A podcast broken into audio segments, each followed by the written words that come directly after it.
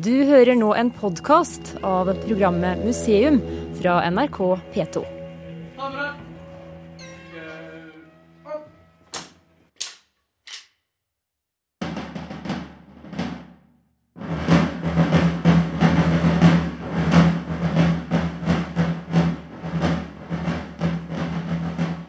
Slik kan en ekte militær trommemarsj høres ut når kong Fredrik 4.s tamburavdeling av 1704 marsjerer i festningsbyen Fredrikstad.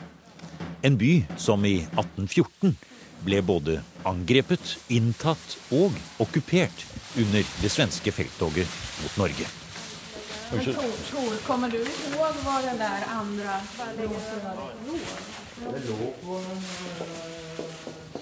Den svenske seieren etter noen korte og intense krigsuker i august 1814, og våpenhvilen som ble underskrevet i Moss, er nok kjent for de fleste. Men at svenskene fortsatte sin okkupasjon i de små len, dagens Østfold, helt til mars-april 1815, er kanskje ikke fullt så kjent. Her er selve katalogen, ja. Her søker, her, oi, se her kommer kanoner opp, ja. Å, det var mange. Bytte fra festningen i Fredrikstad, Norge. Se her, Tor. Her har vi kanonen her. Eller altså, det er usikker opplysning, men det er i hvert fall Osäkra uppgifter här men eh, Det står här det byte. finns flera stycken kanoner som möjligtvis skulle kunna vara tagna där men det er ikke sikkert. altså. Den här kanonen är krigsbyte. Krigsbytte fra svenskenes felttog og okkupasjon i Norge fra 1814 til 1815, det er det vi leter etter i den enorme samlingen til Armémuseum i Stockholm. Vi er nede i Frihamnen, i et av de store havnemagasinene der, som nå er innredet til moderne arkiver med tusenvis av kvadratmeter og pallehyller med kanoner, vogner, våpen og ikke minst faner fra gulv til tak. Her står vi blant titusenvis av gjenstander, som skriver seg fra svenskenes militære storhetstid på de europeiske slagmarker i flere hundre år bakover. Her ligger krigsbytte fra Russland, Polen, Prøysen, Litauen, Rygen, Ukraina, og på merkelappene kan vi lese om berømte slagsteder fra Karl 12.s tid som Narva og Poltava. Og det er jo klart, sier armémuseumssjef Eva Sofie Ernstell, at for noen land kan symbolverdien være stor den dag i dag for visse deler av det svenske krigsbyttet som ligger i hyllene her. Ja, visst kan det vara så. Det, det, det diskuteras ju. Men eh, i de möten vi har haft, i och med att vi har så mycket fanor här, vi har fanor från 1600-talet som tillhör länder som har varit väldigt mycket i krig sedan dess. Och jag har uppfattat att de är glada att vi har tagit hand om dem. Vi har lagt miljontals kronor på att vårda dem och förvara dem. Och kulturarvet finns kvar. Om det hade varit kvar kanske i Tyskland, eh, norra Polen så kanske det hade förstörts under efterföljande krig, senare krig. Här har det legat i tryggt förvar i ett kallt land. Så det är ju en eh, guldgruva. Vi hade, är två veckor sedan så hade vi ett internationellt fansymposium här med forskare från Ryssland, Litauen, Tyskland, Polen och Ukraina. Och då pratar vi om gemensamma forskningsprojekt om, de här, om det här kulturarvet. Eh, Men vi diskuterade inte att lämna tillbaka det och det vet det känner inte jag till om, om det är frågor som ligger där och, och lurar. Men om vi tar Ryssland till exempel, de har ju också å sin sida många svenska fanor. Från slaget vid Poltava bland annat. Så att det ju ett dubb, ömsesidigt intresse då. Vi, vi lånade ut en ukrainsk fana när Ukrains blev självständigt och presidenten skulle svära sin ed och det var väldigt högtidligt. Men eh, den lånades ut och kom tillbaka. Kom tillbaka, Ja, Så den finns fortsatt her? ja. Och vi har flera gånger lånat ut fanor till Ukraina och eh, Ryssland. Men nej, det är ingen som har bett att få tillbaka. Skal vi begynne med kanonen? Eller? Ja. I alle år, og det er jo som kjent blitt nærmere 200 år, har norske militære myndigheter og senere Fredriksten festnings venneforening ønsket å få tilbake de faner, kanoner og eventuelt andre ting som ble ført bort fra Østfold som krigsbytte etter 1814 og 1815. Riktignok ble et flagg fra Fredriksten festning levert tilbake på 1960-tallet. Men nå er det snart 200-årsjubileum, og da har Armémuseum og Østfoldmuseene blitt enige om i hvert fall et utlån til en utstilling i 2014 på festningene i Fredrikstad og i Halden. Det det er snakk om foreløpig, er fire faner, og kanskje noe annet også. Vi får se hva vi har, sier Armémuseumssjef Eva Sofie Ernstell. Vi går rundt i magasinene i Stockholm og leter, sammen med intendantene Karin Teteris og Martin Markelius. Fra norsk side er det spesialrådgiver Tor Ulsnes fra Østfoldmuseene som er med. Vi leter egentlig etter en kanon som ble tatt fra Fredrikstad festning i 1814. Men det er jo også andre kriger å velge i når det gjelder Norge og Sverige på tidlig 1800-tall. Enligt våre eh, oppgifter så er det her et krigsbytte fra 1808 okay. som eh, togs i eh, en trefning i Bærby i Østfold. Ah, mm. Og den er tilverket 1768 i Fredriksverk. Aha. Mm. Den vil jeg gjerne se. Ja, det får du gjøre. Fra Berby, ja.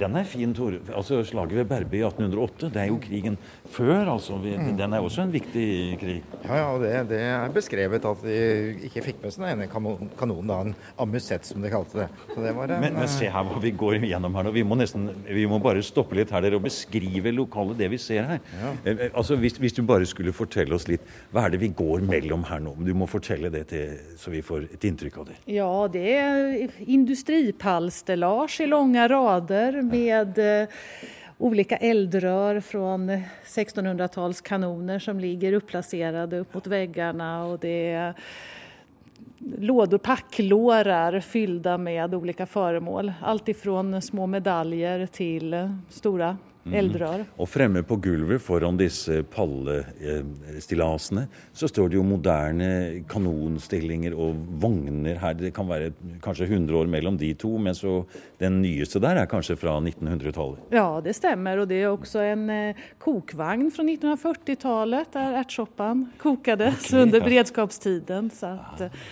jo, vi har jo foremål som er enda opp til dags. Ja ferske?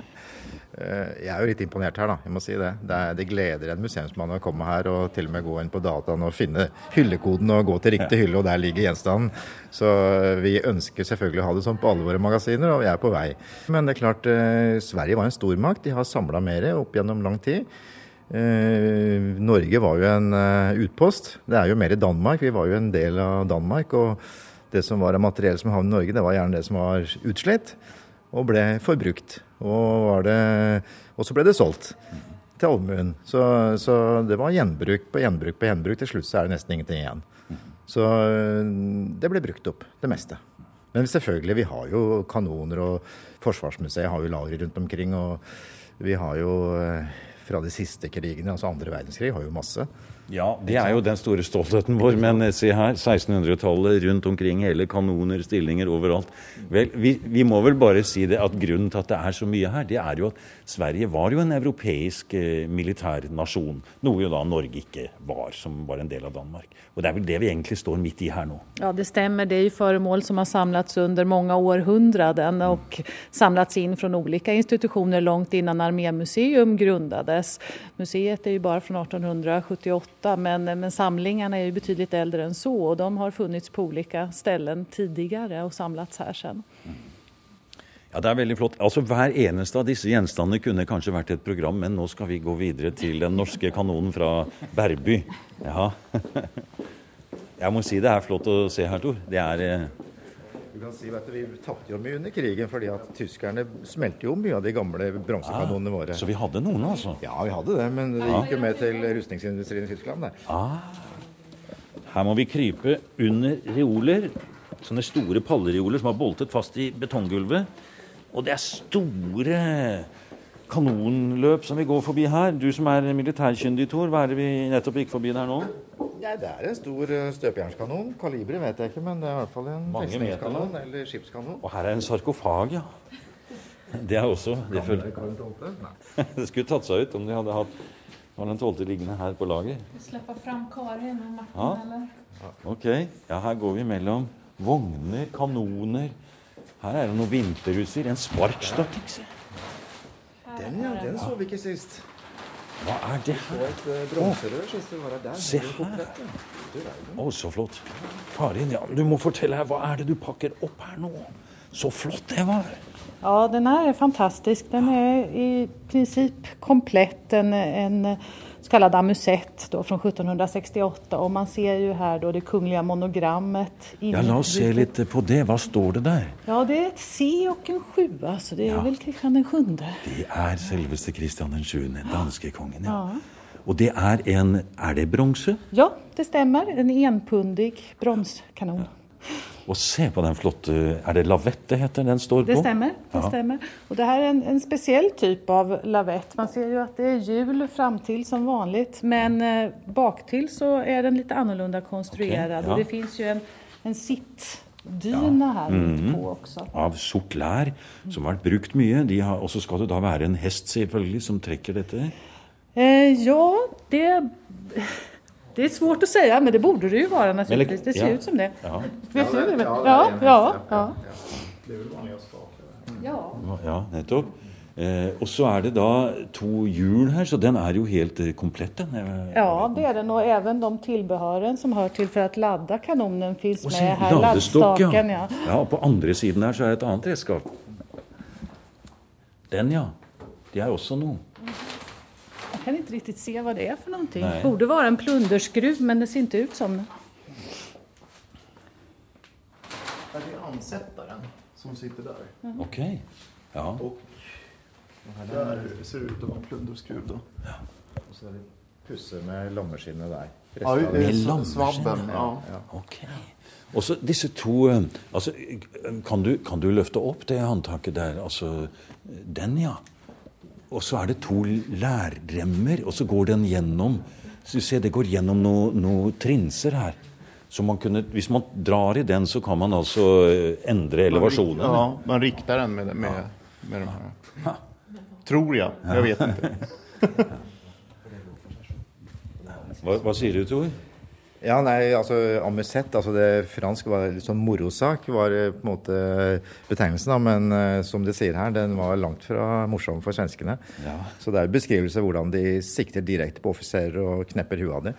Så det var eh, veldig presis, og du hadde veldig fin innstilling og elevasjon og sidesretting. Ja. Så veldig nøyaktig. Så eh, det var en veldig virkningsfull kanon. Nå studerer hun veldig nøye. Legger den ned akkurat som du skulle lade dette, nesten. Ser på detaljene her. Ja, ikke sant? Se på tappene her. Ja, Det ser flott ut. Ja, det er veldig bra. Og som du ser, Bronse det var jo et lettere og sterkere materiale enn støpejern, så du fikk en slankere kanon. Lettere å dra med seg, og typisk feltkanon. Men selvfølgelig et dyrere materiale. Så, så det, det var jo mm, et kostbart eh, verktøy som selvfølgelig artilleristene eh, passa veldig godt på. Så det var et stort tap å miste en ære. Og du ser også skjekene. Det er jo eh, plass til én hest. Det er veldig ligner på norske kjerrer, ikke sant. Vanlige norske kjerrer. Tilpassa våre smale veier. Så det, var jo, det er jo beskrevet det tapet når de kjørte fast den i, ved Berbjelva der og ikke fikk den med seg. Det var et stort tap. Så det er beskrevet i dagbøker og sånn, så vi kjenner den historien ganske godt. Ser du det? Så, Så det er den, er, den er på en måte ikke erobret ved en, eh, en krigshandling, men det er altså slik at en retrett fra norske styrker, så ble denne stående igjen. Nei, De fikk den ikke med seg. De ville jo selvfølgelig, men hadde kjørt seg fast. Og selvfølgelig, det er jo et uh, interessant bytte. Og det er jo veldig morsomt da at det er blitt tatt vare på i Sverige. Veldig interessant. Så det er jo morsomt da at uh, svenskene har tatt så godt vare på den. Ja. Veldig bra. Så det er veldig morsomt å være her. Veldig morsomt.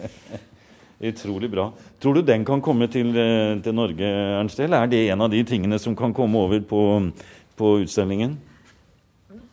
Ja, vi er jo veldig positive når det gjelder å låne ut föremål. For visst är det at det finnes tilgjengelig i en utstilling att det står så her. Og det den her er jo, den er ju även om man inte är artillerist så är den ju liksom väldigt stilig och spännande att titta på. Den väcker ju fantasin och man undrar hur den fungerar just med att den har hela underredet och alla tilbehør tillbehör och otroligt skikk. skick. Der gikk plastikken tilbake over.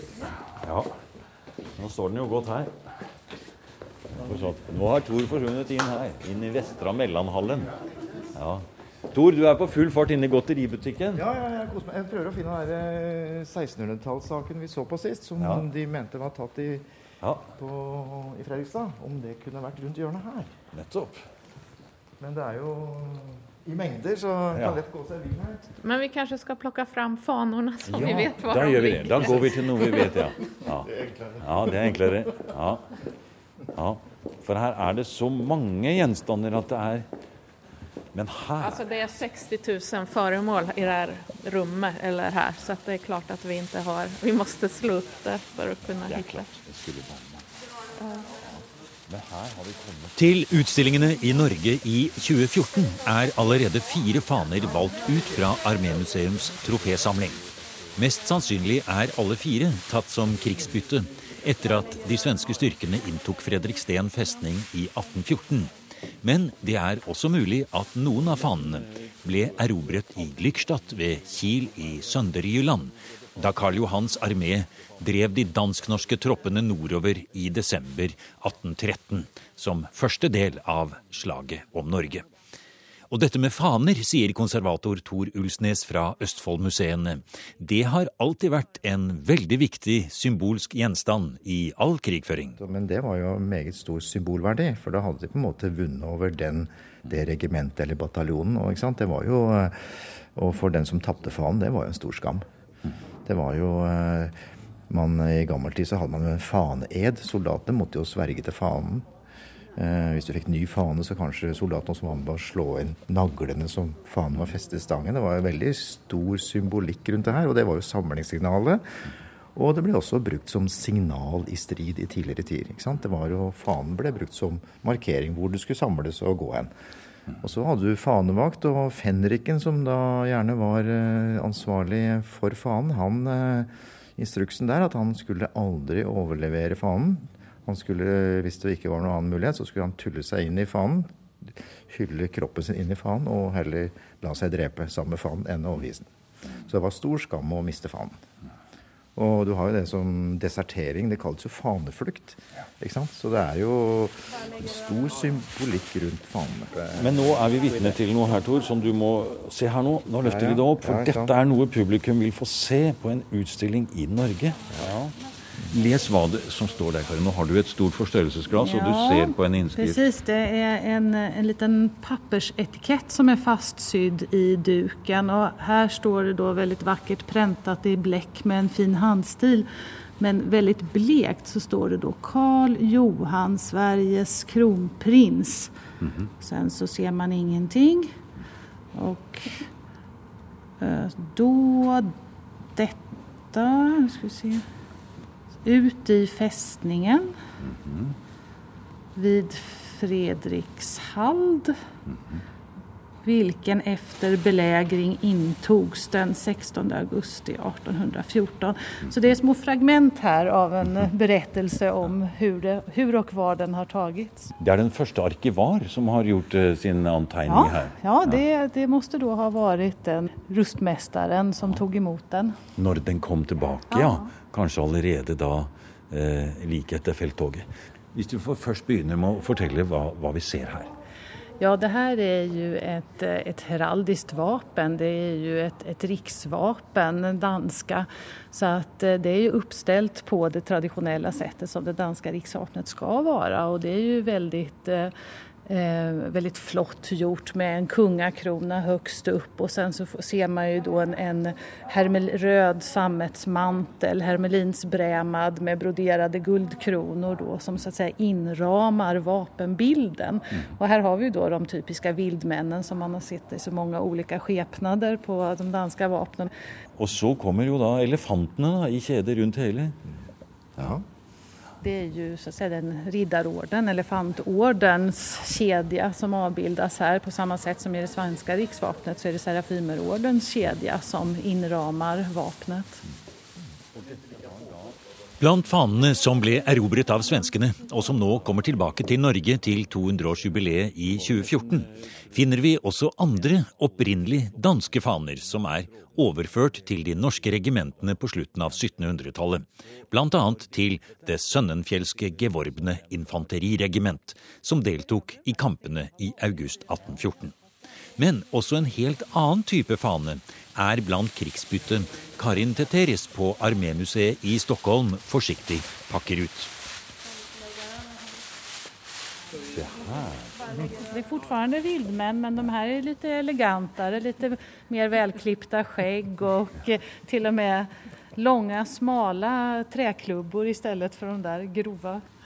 Og oppi hvert hjørne må du si, si hva er. Ja, det er jo da det norske lejonet og, og sen så har vi da den danske Dannebrogen helt enkelt. Ja.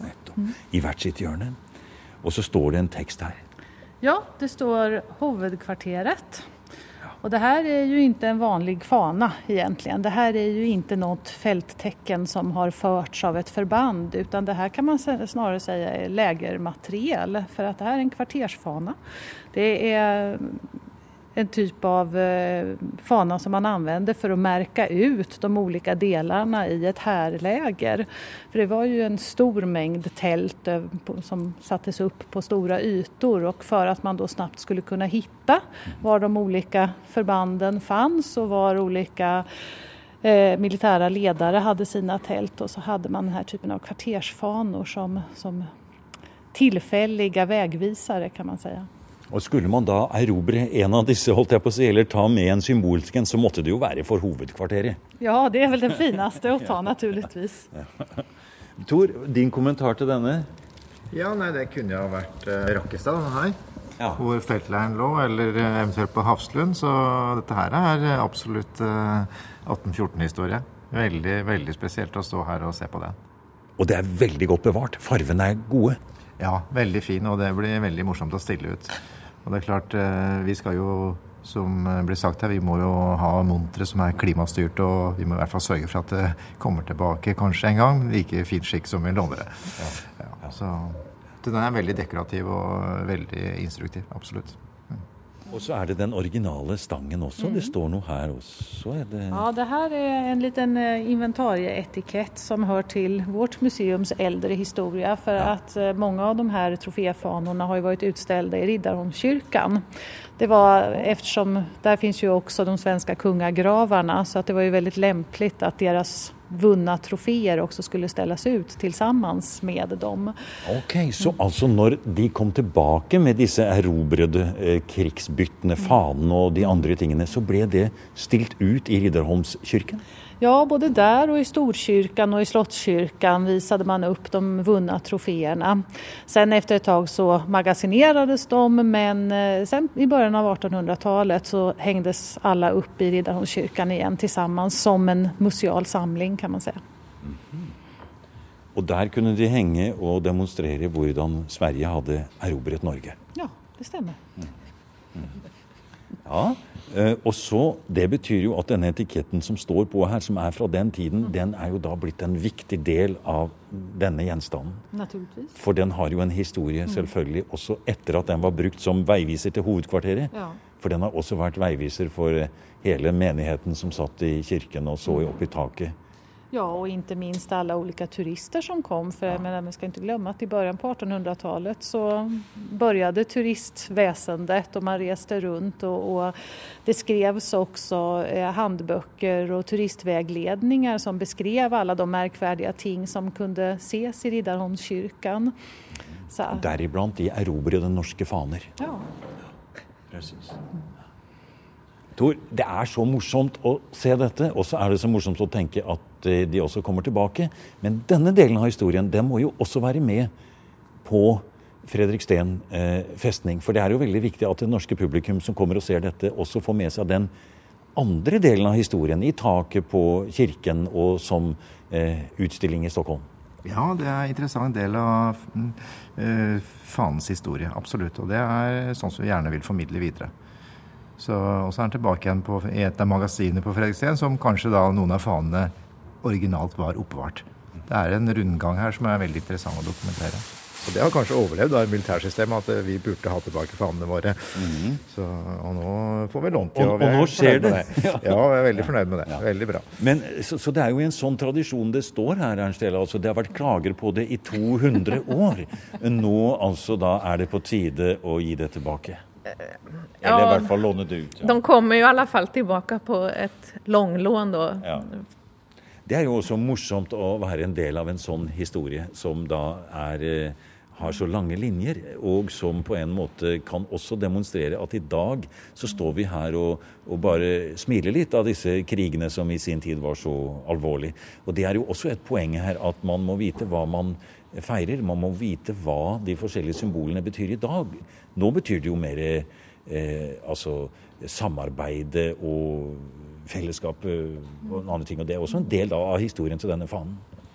Jo, men det, det er veldig bra refleksjon som du gjør der. og lustig nok, eller ironisk nok, så samarbeider vi jo her på Armémuseet veldig mye med länder som vi en gang i tiden førte krig mot. At det har blivit en anledning til samarbeid. Og man kan jo tenke då i forlengningen at noen gang i framtiden de her oroshärdarna, det krigas i Syrien, Afghanistan, alltså, blir det i framtiden en plats för samarbete istället och man man kan ju hoppas det i alla fall. Du har hørt en podkast fra NRK P2.